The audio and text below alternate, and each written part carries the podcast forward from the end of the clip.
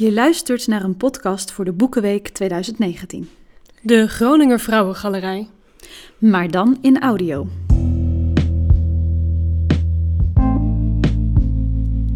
Nog vaak genoeg staat het in de krant.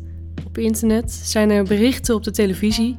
Gelijk werk, gelijke beloning. De loonkloof tussen mannen en vrouwen die houdt stand, blijkt uit onderzoek van het CBS. Daaruit blijkt weer dat mannen meer verdienen dan vrouwen.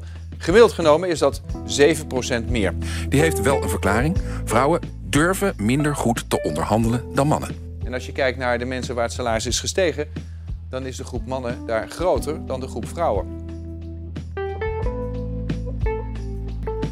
Durf jij je mannelijke collega's te vragen wat ze verdienen? En als je dan minder krijgt, ga je er dan ook wat aan doen? Deze aflevering gaat over de allereerste wilde vrouwenstaking. Een wilde staking wil zeggen een staking die door werknemers zelf georganiseerd is, zonder dat een vakbond deze staking ondersteunt. Dat kan gevolgen hebben, zoals een loonstop of ontslag op staande voet wegens het weigeren van werk. En dat is nogal wat. Deze eerste wilde vrouwenstaking vond plaats in 1969 door de vrouwen uit het Oost-Groningse dorp Nieuwe Pekela, door vrouwen die werkten in een sigarenfabriek. Dat is in de tijd waarin de tweede feministische golf zich aankondigde. Ja, maar daar hadden deze vrouwen niks mee. Dat was niet de reden van de staking. Die feministische golf, dat was iets van de Randstad. In Oost-Groningen speelden vrouwen al langere tijd een ongewone rol in vergelijking met de vrouwen in de stad. Ze deden werk dat gelijkwaardig was aan dat van de mannen, met werk als turfsteeksters, binnenschipsters of kapiteinsters. En ook in de sigarenindustrie werkten veel vrouwen. Het betekent echter niet dat ze hetzelfde loon en dezelfde rechten kregen als mannen. Overstappen naar een andere fabriek had geen zin, want de lonen waren overal hetzelfde. En dat pikten ze niet. Deze vrouwen hadden een goed voorbeeld, want eerder staakten hun vaders ook al. Bijvoorbeeld bij de strookkartonfabriek. En als de strookkartondirecties dan op het standpunt staan dat de rust in de bedrijven moet weerkeren, dat er dan onderhandeld kan worden, dan zeggen wij dat de rust in de strookkartonbedrijven ontzettend lang heeft geduurd. En dat de directie En dat waren ook wilde stakingen, omdat het niet werd ondersteund door de vakbonden.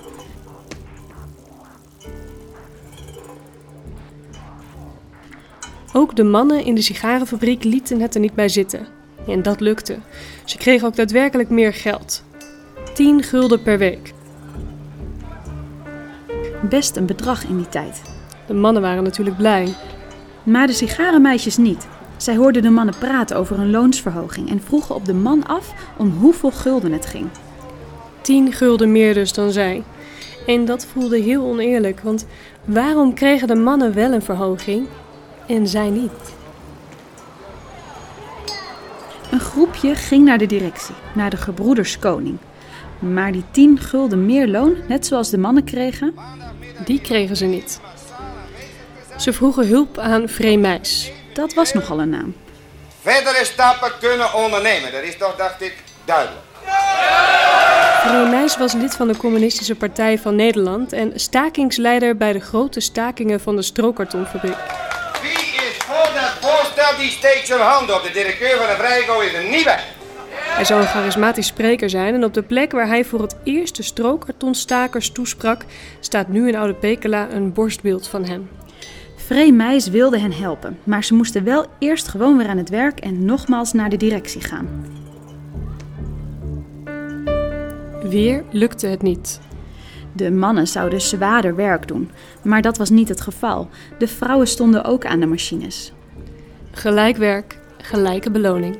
Toen zijn de vrouwen naar café Sasker gegaan. Hier werden eerder al door de mannen veel stakingsbijeenkomsten gehouden. Nu zaten de meisjes er en ze besloten te staken.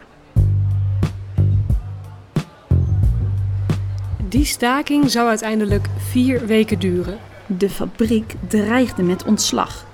Maar de staaksters waren moedig en zamelden zelf geld in om toch hun wekelijks loon te ontvangen. Ze gingen langs de deuren en ze kregen veel steun. Door het hoofdbestuur van de Nederlandse Vrouwenvereniging ontvingen ze een steunbrief.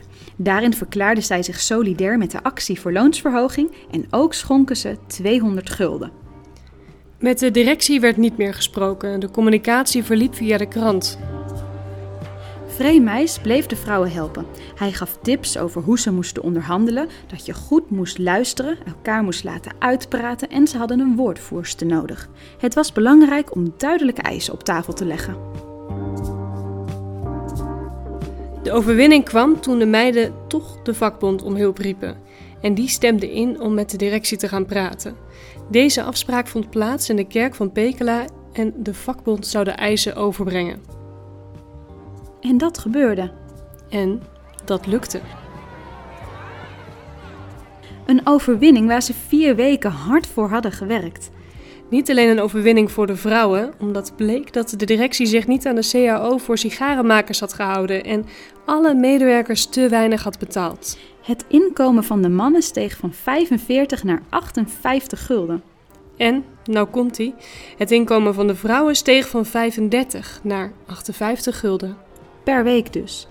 Een behoorlijke overwinning. En een overwinning vier je. Dat zouden wij ook doen. Wij zouden lekker uit eten gaan van zo'n goede en eerlijke loonsverhoging. Zoiets deden de vrouwen ook. Maar dan met bier en rookworst in Café Sasker, waar een staking was begonnen. Deze vrouwen werden een inspiratie voor vele andere vrouwen. Dapper en moedig als zij waren in die tijd. Inmiddels meer dan 50 jaar geleden, maar deze strijd is nog altijd niet gestreden. Dit jaar nog diende de oppositiepartij in de Tweede Kamer een wetsvoorstel in waarin onder andere staat dat collega's in gelijkwaardige functies elkaars salarisstrook mogen inzien. Gelijk werk, Gelijke beloning.